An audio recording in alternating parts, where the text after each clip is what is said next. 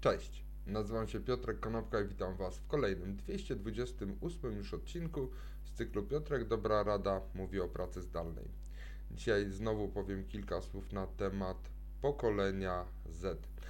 Dla przypomnienia, pokolenie Z to są te osoby, które urodziły się po 1995 roku, czyli mają około 16-25 lat i y, dlaczego ta grupa jest tak naprawdę bardzo interesująca? Bo to są osoby, które dopiero co wchodzą na rynek pracy i wbrew pozorom okazuje się, że nie tak aktywnie czy nie tak chętnie chciałyby pracować wyłącznie zdalnie, bo tylko 63% z nich powiedziało w badaniu przeprowadzonym przez portal Talelo, że y, zaakceptowałoby pracę, y, gdzie pierwotnie czy podstawowym sposobem pracy będzie praca zdalna.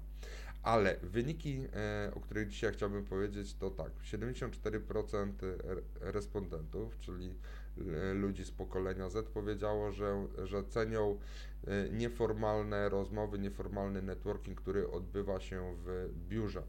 75% mówi, że chciałoby przychodzić regularnie do tego biura co tydzień czy co dwa tygodnie, tylko 3% Y, spośród badanych nie chciałoby właściwie, czy nie potrzebuje właściwie żadnych spotkań e, twarzą w twarz.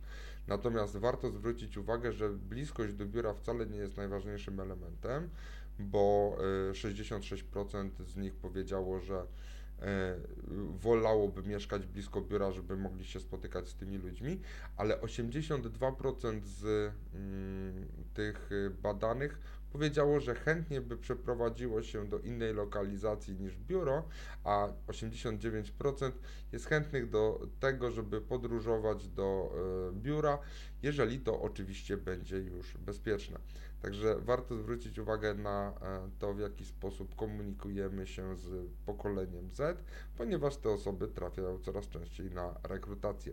Dzięki serdeczne, do zobaczenia i usłyszenia jutro. Na razie.